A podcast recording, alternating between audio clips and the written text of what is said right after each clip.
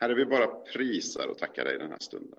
Ber att du skulle komma och vara med var och en av oss, här att vi ska få lyssna till dig, till din röst. Kom du heligande och gör ett pingstunder mitt ibland oss. Herre, förvandla hjärtan. Herre, väck upp vår ande så att vi kan möta dig närmare. Det ber vi om i Jesu namn. Amen. Följ med mig till eh, Kolosserbrevet. Har du din bibel hos dig eller din, eh, möjligtvis din telefon med en bibelapp på, så slå upp Kolosserbrevets första kapitel. Vi befinner oss, vi ska, vi ska läsa en text från Kolosserbrevet 1, vers 14 till 20. Ehm, Genom Sonen har vi friköpts och fått förlåtelse för våra synder. Han är den osynlige Gudens avbild, den förstfödde i hela skapelsen. Ty i honom skapades allt i himlen och på jorden, synligt och osynligt, troner och herravälden, härskare och makter. Allt är skapat genom honom och till honom. Han finns före allting och allting hålls samman i honom. Och han är huvudet för kroppen och för kyrkan. Han som är begynnelsen, förstfödd från de döda till att överallt vara den främste. Ty Gud beslöt att låta all fullhet bo i honom och att genom hans blod på korset stifta fred och försona allt med sig genom honom och till honom, allt på jorden och allt i himlen. Den här predikan, den här bibelsöndagen, har fått överskriften Alltings ursprung och mål. Därför att det är viktigt för oss som församling och som Kristi kropp att vi förstår så att säga våran roll i frälsningshistorien, men att vi också förstår Guds natur så djupt som vi kan göra det. Gud är inte så liten så att vi kan greppa honom, men vi kan förstå någonting av vad han har sagt om sig själv och om oss genom sitt ord, vad han har uppenbarat för oss. Och Gud är alltings ursprung, men han är också alltings mål. Vi ska börja med att titta på varför finns någonting? För om du tänker efter en liten stund så är det inte alls självklart att någonting finns eller ska finnas. Vi tar det liksom så för givet eftersom vi är här och kan reflektera över frågan. Men varför finns någonting egentligen? Varför har Gud valt att skapa det skapade? Om vi tror på en allsmäktig Gud som har skapat allting som finns så kan vi ställa oss frågan varför? Varför det? Och faktum är att Bibeln faktiskt inte ger oss något klart entydigt svar på den frågan. Sådär distinkt så att man kan koka ner det och säga en vers som säger Gud skapade jorden för att. Vi har en skapelsevers, första Mosebok 1 och 1, den första versen i er bibel, alldeles i början. I begynnelsen skapade Gud himmelen och jorden. Och sen fortsätter den inte med därför att Gud hade tråkigt, eller Gud var ensam, eller Gud tyckte det var skoj. Utan det fortsätter liksom inte där, det är bara punkt. I begynnelsen skapade Gud himmel och jord, punkt. Inget varför. Och vi har egentligen ingen motivvers som säger oss varför Gud valde att skapa allting. Eller någonting alls för den delen. Och överlag så är det så att Gud väldigt sällan svarar på varför-frågor. Han verkar inte intresserad av varför, han är mycket mer intresserad av vad och hur. När Gud talar till människor så talar han inte utifrån att vi ska bli motiverade på något specifikt sätt. Han säger inte, ja men därför att, det är väldigt sällan Gud uttrycker sig så, att liksom, ja, men du ska göra det här därför att, utan Gud bara säger och förutsätter att det han säger är motiv nog. Och det är det, därför att han är ursprunget till allting. Och jag tror att det är en del av vår vandring med Gud att gradvis upptäcka och lära oss om varför i den takt som vi lär känna Gud närmare. Ni vet att i första Mosebok, när det beskrivs hur Gud skapade allting, så berättas det också om hur Gud planterade en lustgård i Eden österut och i den så satte han människan som han hade skapat. Och i lustgården så satte Gud också två stycken träd. Livets träd och trädet med kunskapens frukt på gott och ont. Och det där kunskapens frukt på gott och ont, det är frestelsen för oss att vilja veta alla varför utan att känna Gud. Om ni kommer ihåg historien så var det så Adam och Eva blev frestade av djävulen att synda. Bryta mot Guds bud. Frestelsen var ju om du äter, eller när ni äter av frukten, så ska du bli så som Gud, så att du förstår gott och ont. Du får svar på alla varför. Du får den här magiska kunskapen som Gud verkar ha och vi verkar sakna. Vi går alltid runt och frågar varför? Åh, varför Gud? Varför Gud? Varför Gud? Du frågar så någon gång så vet du vad jag menar. Men vi har ändå fått uppenbarelse. Om vi vandrar tillsammans med Gud, om vi tar del av hans uppenbarelse genom ordet och låter det landa i hjärtat så växer det fram axplock här, axplock där i olika texter i Bibeln, olika uppenbarelser av vad Gud har avsett. Hela det frälsningsdramat som startade i den där lustgården, kulminerade på korset och en gång ska nå sin fullbordan i det himmelska Jerusalem som beskrivs i Uppenbarelseboken. Om vi tar del av hela den där historien så kommer det fram en uppenbarelse om varför. Ett, ett, ett bakgrundsmotiv, en röd tråd som går genom hela Bibeln. Och vad är den där röda tråden då? Varför skapade Gud någonting? Var Gud ensam?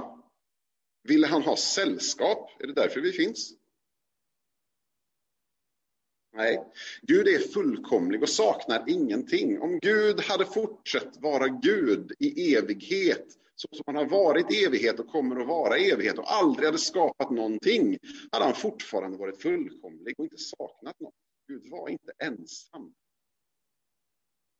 Han längtade inte efter gemenskap. Det finns ingenstans i Bibeln där Gud beskriver en längtan efter något som inte fanns. Jag har i alla fall inte hittat det. Utan Gud är av evighet till evighet fullkomlig. Saknar ingenting. Längtade Gud efter kärlek då? Nej. Gud är kärlek. Han är kärlek till sitt väsen och han är upphovet till allt vad kärlek heter. Han saknar ingen. Han är den som ger. Vår kärlek beskrivs som ett gensvar på hans kärlek. Så som jag har älskat er, säger Jesus, ska ni också älska varandra. Gud älskar först, vi gensvarar. Och det blir en rörelse utåt.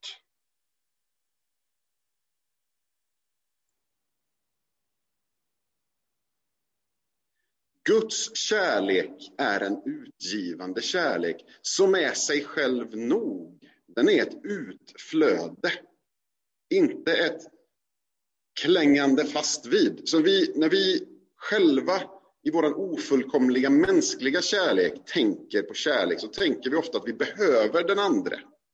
Jag behöver ditt gensvar, jag behöver att du älskar mig därför att jag älskar dig så mycket.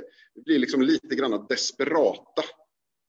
Det finns inte hos Gud. Gud har inte den sortens kärlek som är i behov av någon. Guds kärlek ger och ger och ger och ger. Och när Jesus säger att ni ska älska era fiender så är det bara ett andens verk som kan åstadkomma det. Det är bara det här utflödet av Guds kärlek som kan gå igenom oss och vidare till andra som kan åstadkomma det. Mänsklig kärlek älskar inte sina fiender. Det är bara Guds kärlek som gör det. Det ser vi alldeles mest tydligt uppenbarat på korset, där Gud utgav sin enfödde son för oss som var fiender till Gud. Fattades någonting för Gud då? Nej. Gud är i sin innersta essens fullkomlig perfektion och saknar ingenting. Gud är av evighet en perfekt treenig gemenskap mellan Fadern, Sonen och den helige Ande. Som är fullkomlig. Det är det det innebär att Gud är Gud. Han är.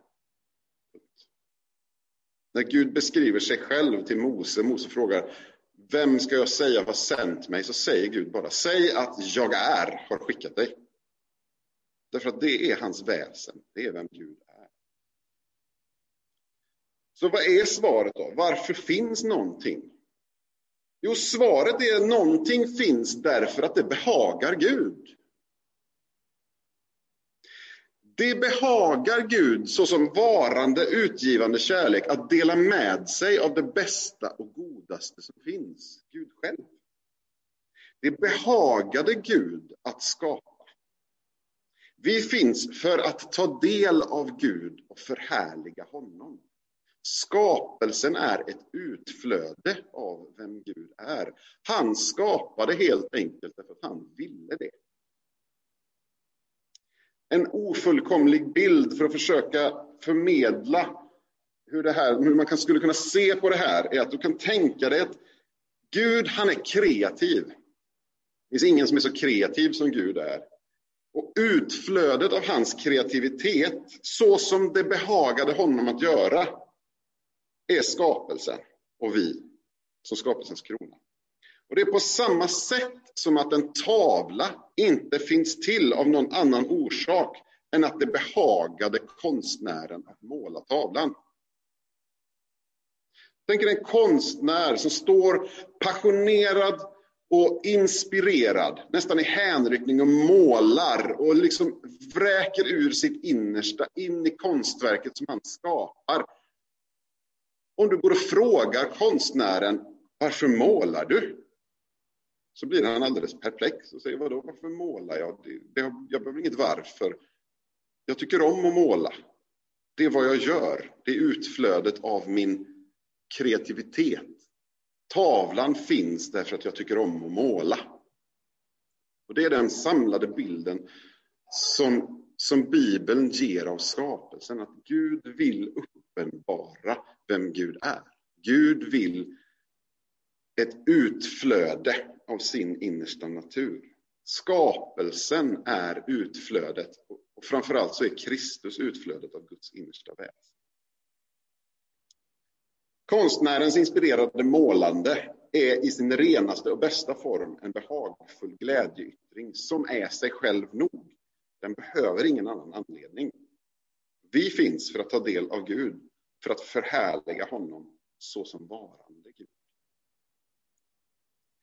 Om vi går till Johannesprologen, första kapitlet i Johannesevangeliet.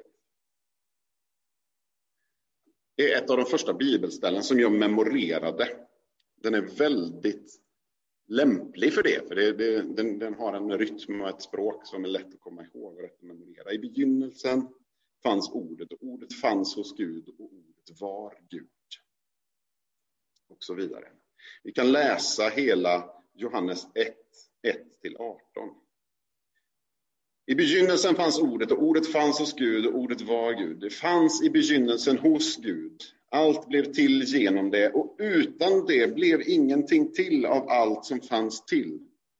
I ordet var liv och livet var människornas ljus och ljuset lyser i mörkret och mörkret har inte övervunnit det. Det kom en man som var sänd av Gud. Hans namn var Johannes. Han kom som ett vittne för att vittna om ljuset så att alla skulle komma till tro genom honom. Själv var han inte ljuset, men han skulle vittna om ljuset. Det sanna ljuset som ger alla människor ljus skulle komma in i världen. Han var i världen och världen hade blivit till genom honom, men världen kände honom inte. Han kom till det som var hans, och hans egna tog inte emot honom. Men åt de som tog emot honom gav han rätt att bli Guds barn åt alla som tror på hans namn, som har blivit födda, inte av blod, inte av kroppens vilja, inte av någon mans vilja, utan av Gud. Och ordet blev människa, eller blev kött, och bodde ibland oss. Och vi såg hans härlighet, en härlighet som den enda sonen får av sin fader. Och han var full av nåd och sanning. Johannes vittnar om honom och ropar, det var om honom jag sa, han som kommer efter mig går före mig, ty han fanns före mig. Av hans fullhet har vi alla fått del med nåd och åter nåd. Till lagen gavs genom Mose, men nåden och sanningen har kommit genom Jesus Kristus. Ingen har någonsin sett Gud. Den enda sonen, själv Gud och alltid nära Fadern, har förklarat honom för oss, eller uppenbarat honom för oss. Johannesprologen lär oss att Gud skapade allting genom sitt ord, men också om att ordet är Kristus. I begynnelsen fanns ordet, Guds logos, och ordet fanns hos Gud och ordet var Gud.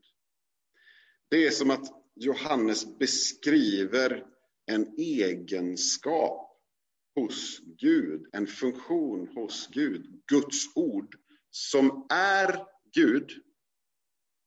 Ordet var Gud, det fanns i begynnelsen hos Gud och allting blev till igenom det. Ni vet att Kristus är inte Jesus efternamn, brukar jag säga. Så han heter inte Jesus Kristusson eller så. Utan Kristus är en funktion hos Sonen, den andra personen i treenigheten. Kristus är Guds smorde. Messias och Kristus. Messias är hebreiska och Kristus är grekiska, men betyder den smorde. Och när Bibeln talar om Kristus så är det så att säga funktionen hos Sonen i treenigheten såsom frälsare för mänskligheten. När vi talar om Kristus så talar vi om den funktion som Sonen har i frälsningshistorien. Och samma person, Guds son, som kom till oss som frälsare och tog mänsklig gestalt, var aktivt närvarande i skapelsegärningen. Det var Kristus som skapade allt. Säger Johannes. Eller rättare sagt, det var Fadern genom Kristus. Allt blev till genom det, genom ordet. Och utan det blev ingenting till av allt som finns till. Allt är skapat genom Gud. Av Gud, genom Gud, men också för Gud. Och denna Kristus, Guds logos, sonen som själv är Gud, han är Gud uppenbarad för oss. Det är det Johannesprologen slutar med. I vers 18 så konstaterar Johannes, ingen har någonsin sett Gud, den enda sonen som själv är Gud och alltid nära Fadern. Han har förklarat honom för oss, eller uppenbarat honom för oss. Så meningen med att Kristus kom in i världen är att uppenbara Gud. Att vi ska kunna se och förstå vem Gud är, för det kan vi inte utan Sonen. Vi saknar medel för att förstå själva vem Gud är. Gud måste uppenbara det för oss och det har han valt att göra genom sin son. Den som känner sonen känner fadern. Den som lär känna Kristus lär känna Gud. Det är genom Kristus. Ingen kommer till Fadern utom genom mig, säger Jesus. Det säger han därför att han är funktionen hos Gud som är Kristus. Den kanal genom vilken vi kan komma i kontakt med Gud. Men det stannar inte där. Utan Bibeln konstaterar också att Gud skapade allting, inte bara för Kristus, utan till Kristus. Tillbaka till Kolosserbrevets första kapitel där vi var i början, i vers 16. Ty i honom, i Kristus, i Sonen, skapades allt i himmelen och på jorden, synligt och osynligt, troner och herravälden, härskare och makter. Allt är skapat genom honom och till honom. Till honom. Vad betyder det? Att allting är skapat till Kristus. Som en gåva, som en riktning, som att det finns en orsak med att allt är skapat och den orsaken har att göra med Kristus. Vi ser samma sak hos Paulus också i Romarbrevet 11 och 36. Där eh, Paulus har talat om Israels folk eh, kontra hedningarna. Att nu har hedningarna kommit in och Israels folk har varit olydiga, men de ska alla komma till tro till slut. Sen så avslutar han hela den här undervisningen om Guds utkorade löftesfolk med en lovsägelse. Han jublar i Herren, han blir alldeles exalterad. Vilket djup av rikedom, vishet och kunskap hos Gud. Aldrig kan någon utforska hans beslut eller spåra hans vägar. Vem kan känna Herrens tankar och vara hans rådgivare? Vem har skänkt honom något så att han måste återgälda det? Ty av honom och genom honom och till honom är allting. Hans är härligheten i evighet. Amen. Vår värld är en stor teater där Kristus utspelar sig. Allting som är skapat är skapat just för att visa det här gudomliga dramat. Där hjälten, skatten i slutet av hela den här historien är Kristus. Hela skapelsehistorien, hela världshistorien, hela världsförloppet är designat just för detta, att vara en teaterscen där Kristus blir uppenbarad. Följ med mig nu. Av alla de myriader av skapade varelser och ting som Paulus hade kunnat lista i Kolosserbrevet 1 och 16, vad är det han väljer att ta med? Vad är det Paulus väljer att nämna i Kolosserbrevet 1 och 16? Är det de vackra blommorna? Är det de fina solnedgångarna? Är det människorna? Vad är det han väljer att säga specifikt i Kolosserbrevet 1 och 16? Är det någon som tog fram sin bibel och läste? I honom skapades allt i himlen och på jorden, synligt och osynligt. Det är generellt, det innefattar allt. Och sen blir han specifik och säger några specifika saker. Troner och herravälden, härskare och makter. Och sen blir han generell igen. Allt är skapat genom honom och till honom. Troner, herravälden, härskare och makter, vad är det?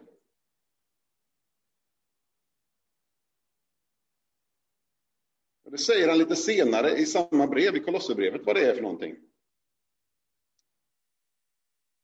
I Kolosserbrevet 2 eh, vi kan läsa från vers 13, Kolosserbrevet 2 och 13, kommer de här igen sen i vers 15, härskarna och makterna.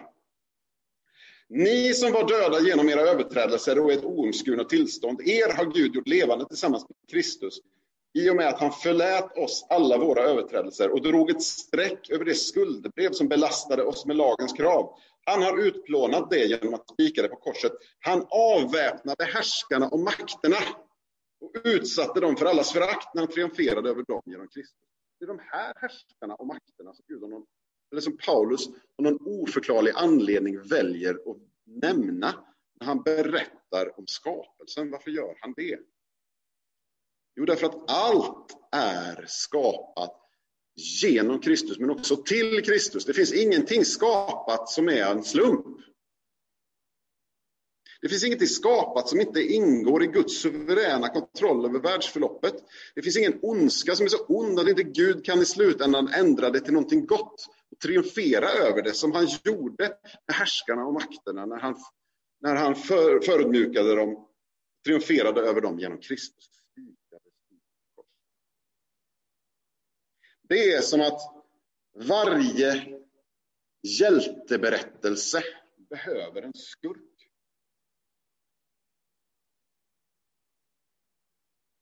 Gud är stor nog att övervinna all tänkbar ondska och triumfera över allting och genom allting. Och även djävulen och hans makt. Djävulen är inte Guds jämlike som ett yin och ett yang, mörker och skugga. Djävulen är en skapad varelse som har revolterat mot Gud, orsakat oerhört stora mängder lidande och ondska. Men inte utöver Guds kontroll. Det är inte som att Gud sitter och vrider sina händer och säger oj, vad ska vi göra? Utan Gud suckar och säger ja, ja, så här är skapelse. Det här är min story. Du är skurken i den och du kommer förlora. Kristus har triumferat över ondskan i evighet. Det finns ingen slump i det här, utan det är en design, en plan att uppenbara Kristus. Meningen med hela skapelsen är att visa upp Kristus. Det är därför allting finns. Och meningen med Kristus är att förhärliga Gud. Johannes 17, 1 till 3. Johannes 17, 1-3. Här är mitt i Jesu förbön, eller i början av Jesu förbön för dem som är hans, när Jesus ska lämna lärjungarna. Det här är på skärtorsdagskvällen när de har ätit nattvardsmåltiden och på väg ut till, till Getsemane. Frälsningspassionsdramat ska precis inledas och Jesus ber en sista översteprästerlig förbön för sina lärjungar. Och i Johannes 17, 1-3 så säger han, efter att sagt detta lyfte Jesus blicken mot himlen och sa, Fader, stunden har kommit. Förhärliga din son så att sonen kan förhärliga dig. Du har gett honom makt över alla människor för att han ska ge evigt liv åt alla de som du har gett honom. Och detta är det eviga livet, att de känner dig, den enda sanna guden och honom som du har sänt, Jesus Kristus. Meningen med Kristus, hans uppdrag på jorden var att förhärliga Fadern. Det var det han hade kommit för att göra, det är det han fullbordar på korset. Han förhärligar Gud, han visar Guds härlighet genom passionsdramat, genom frälsningen. Genom att ge sitt liv för mänskligheten så visar Jesus Guds utgivande kärlek, hans nåd, hans barmhärtighet, hans härlighet. Och eftersom att allting finns för att uppenbara Kristus och Kristus finns för att förhärliga Gud är meningen med hela skapelsen ultimat att förhärliga Gud. Allting finns på något sätt till för att förhärliga Gud. Att visa vem han är i sin härlighet och hurdan han är. i sin härlighet. Och vad är då egentligen evigt liv? Jesus säger det ju här i Johannes 17.3. Evigt liv är att känna Gud. Detta är det eviga livet. Att de känner dig, den enda sanna guden, och honom som du har sänt, Jesus Kristus. Om vi missar det här så går vi helt vilse. Evigt liv utan Gud är helvetet. Tänk på det. Det är Gud som är det eviga i det eviga livet. Det är ju livet i gemenskap med honom. När all synd är undanröjd, när vi har fått en ny förhärligad uppståndelsekropp, så är liksom inte meningen med allting efter det att vi bara ska lolla runt och vara glada. Nej, meningen är att vi har gemenskap med Gud. Det är det som är det eviga livet. Om du tar bort Gud ur den ekvationen så blir allting tomt och meningslöst. Det blir ett innehållslöst evighet av ingenting. Utan det är Gud som är innehållet i det eviga livet. Evigt liv är att Kristus får bli vår största skatt vårt djupaste begär.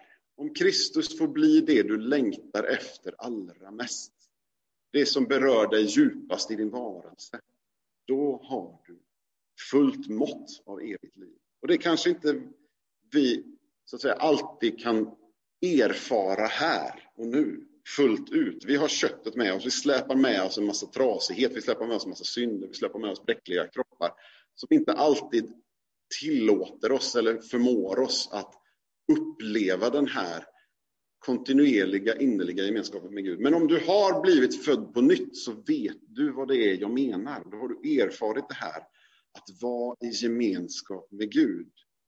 Och att det kan bli det djupaste begäret i dig. Om du kämpar med återkommande misslyckanden eller synd eller laster eller vad det än är i dig som liksom drar dig vilse och drar dig bort ifrån Gud, någonting som skaver i relationen med honom. Be då Gud om hjälp att gräva djupare och hitta djupare källor inom dig själv. För oftast så ligger det där på ytan. Det ligger som ett ytligt begär som liksom vill störa oss. Det är som en fluga som kretsar runt huvudet, runt ansiktet och vill in i ögonen. Och sådär.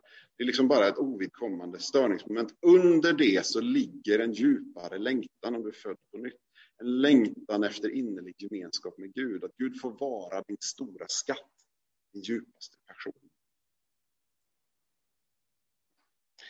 Hur förhärligas Gud i dig då? Kan man fråga. Om nu meningen med alltihop det här är att vi ska förhärliga Gud, hur gör vi det? En aspekt av det är att det som djupast ger dig tillfredsställelse förhärligas av dig. Det som på djupast nivå tillfredsställer dig, det förhärligar du. Jag var åt en sån fantastisk måltid på en restaurang. Den var så underbart god och det var så fantastiskt trevlig miljö. Och jag blev så mätt och så nöjd och så glad och du förhärligar den här restaurangen som om den vore Kristus. Hur? Känner alla till liksom, fenomenet? Vi förhärligar det där som vi älskar och vill dela med oss av till andra. Vi förhärligar det, vi lyfter upp det, vi gör det stort. I Saltaren 27 Vers 4 skriver psalmisten. Ett har jag begärt av Herren, efter det strävar jag, att få bo i Herrens hus alla mina livsdagar, för att skåda Herrens ljuvlighet och betrakta Det är att förhärliga Gud, genom att älska honom. Ett har jag begärt av Herren, efter det strävar jag, att få bo i hans hus alla mina livsdagar, skåda Herrens ljuvlighet. Det förhärligar Gud när du lever ett liv format efter Saltaren 27.4.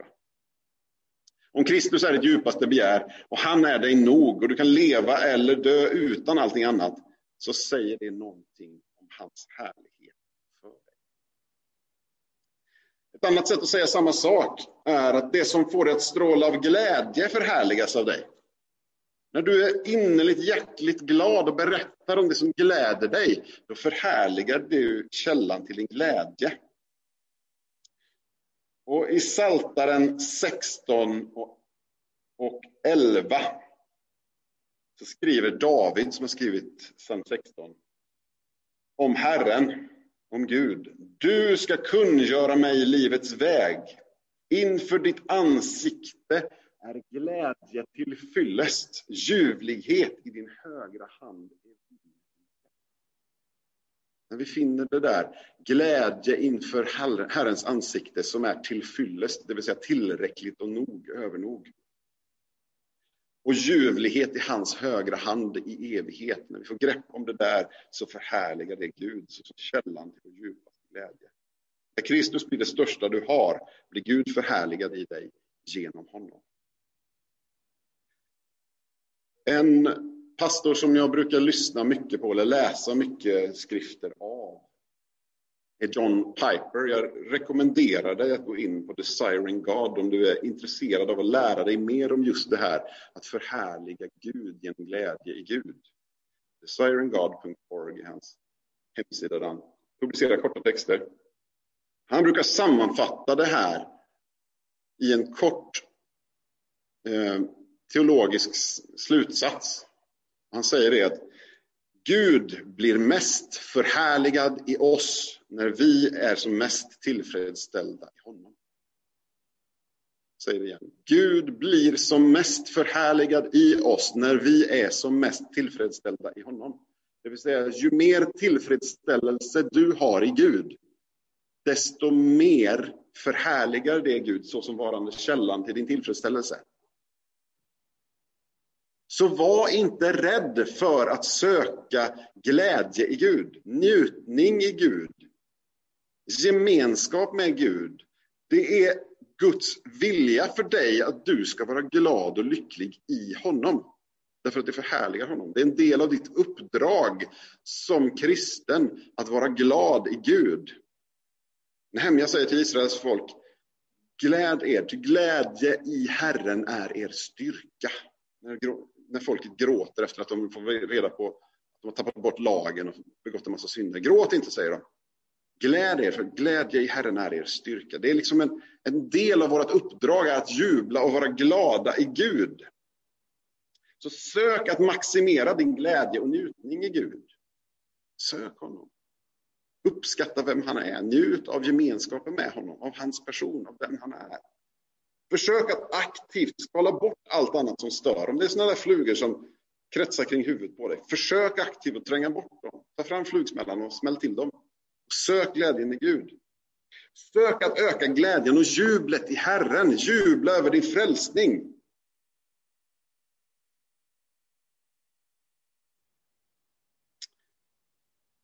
Sök gemenskap. Leta upp Sven om du kan träffa honom någonstans. Han är bra på att jubla i Herren. Jag vinkar till Sven här. Ser han, han jublar nu. Det är mycket jubel ska vi ha. Det är gott.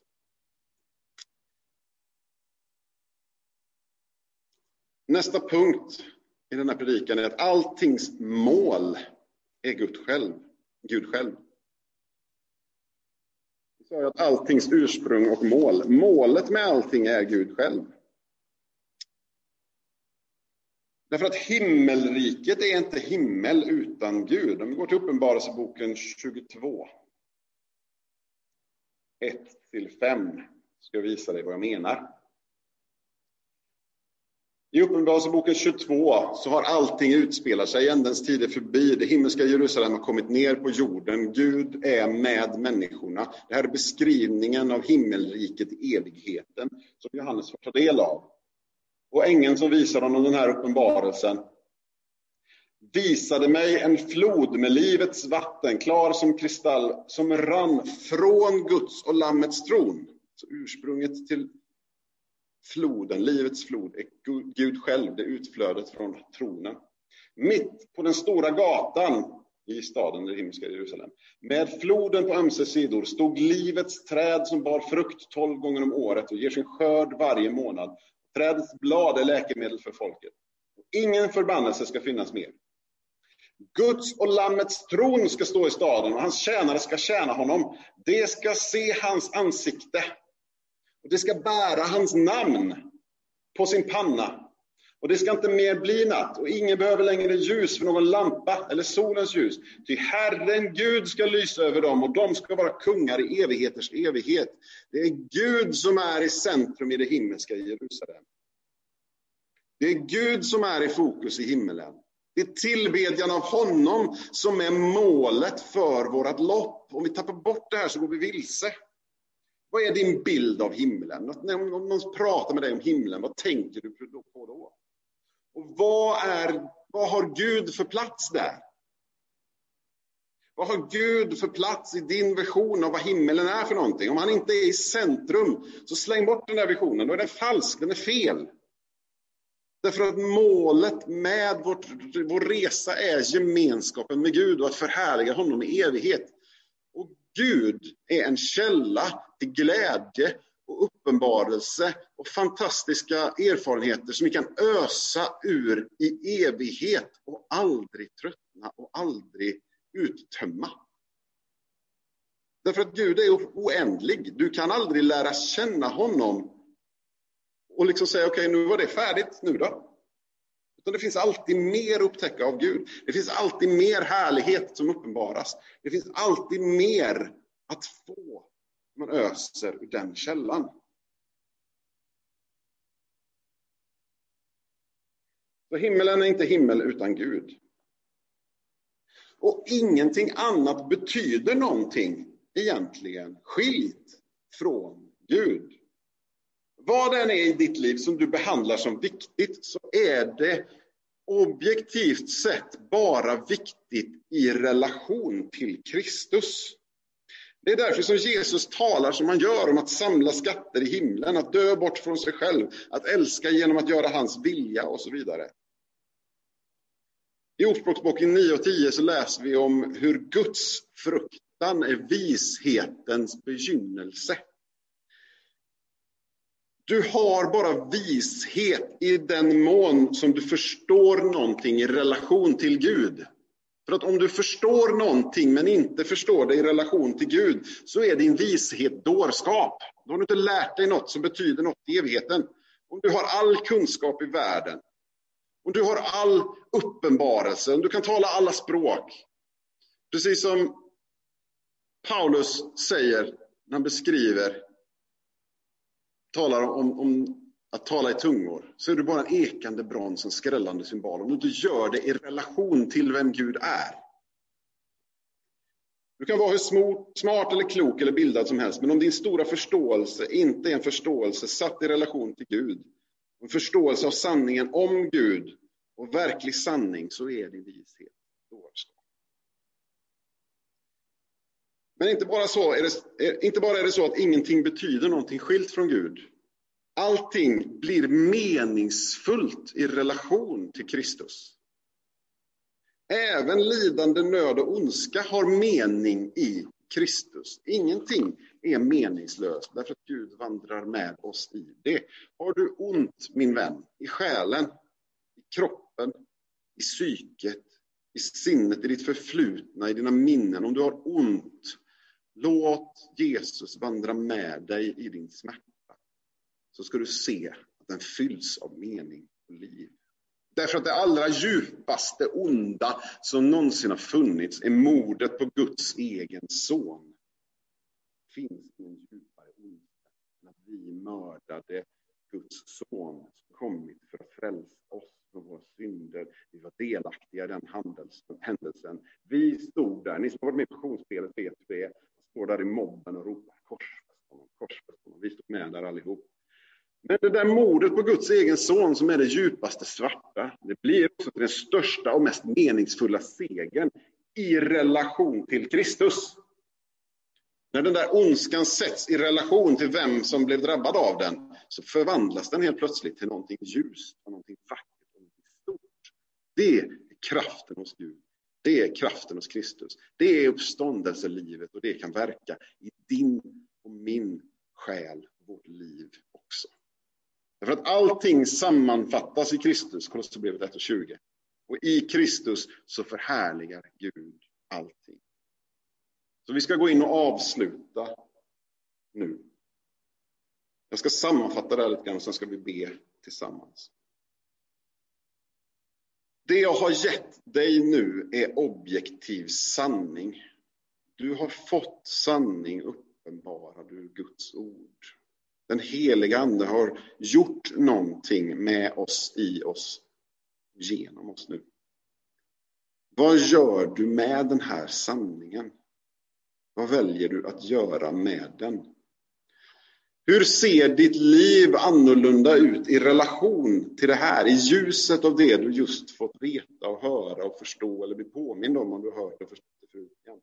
I ljuset av den här visheten från Gud, hur ser ditt liv annorlunda ut? Kommer du att söka vishet genom gudsfruktan? Kommer din gudsfruktan att öka? Kommer du att söka Kristus? Inte bara Jesus, Jesus, bara Jesus, utan Jesus så som varandes Kristus. Förstå mer av honom, sätta honom i centrum i ditt liv, ha honom som ankaret för din själ, skatten i åkern. Det som ger ditt liv mening och ljus. Kommer du att söka honom som din högsta skatt? Om du gör det så är det ett verk av Guds ande. Det är ett övernaturligt verk. Det är ingenting som du eller jag kan göra själva. Det här är pingstdagen. Idag firar vi pingst. Och pingstens under är just detta. Att Guds ande tar sin boning i oss så att vi kan leva det här livet. Därför att det är ett liv som kräver övernaturlig kraft från Gud. Vi har inte den förmågan själva, men vi kan få den genom att Guds ande tar sin boning i oss. Så be. Be om en ny pingst i ditt liv idag. Be att Gud förnyar sitt verk i dig. Be om en andens verk i ditt liv. Att Gud förhärligar Gud i dig och genom dig och genom din glädje. Fader Gud, vi bara prisar och tackar dig för din son Jesus, som är vår Kristus, som är Gud uppenbarad för oss. Herre Kristus, vi ber att du skulle komma och ta din boning i våra hjärtan genom den helige Andes närvaro. Gud, du helige Ande, vi ber att du skulle komma och göra det verk du är sänd att göra, att uppenbara Sonen för oss och genom Sonen uppenbara Fadern. Vi ber att det här livet, att lära känna Gud, det eviga livet, skulle bli verkligt för oss. Herre, kom, gör ett nytt pingstunder ibland din församling. Herre, låt din härlighet bli uppenbarad för oss. Låt vår glädje ha sin källa i dig. Ge oss det vårt hjärta begär, dig själv som vår skatt. Prisar och tackar dig Fader, ber att du bara hjälper oss att skala bort allt som stör, allt som vill allt som vill skymma sikten mot dig, Herre. Allt som vill ta bort dig från våra centrum. Vi ber att du bara skalar bort och bränner bort allting sånt i våra liv. Herre, gör oss mer passionerade för dig. Kom, var vår skatt. Var vår härlighet. Var vårt liv. Ber vi dig om Fader. I Jesu Kristi namn. Amen.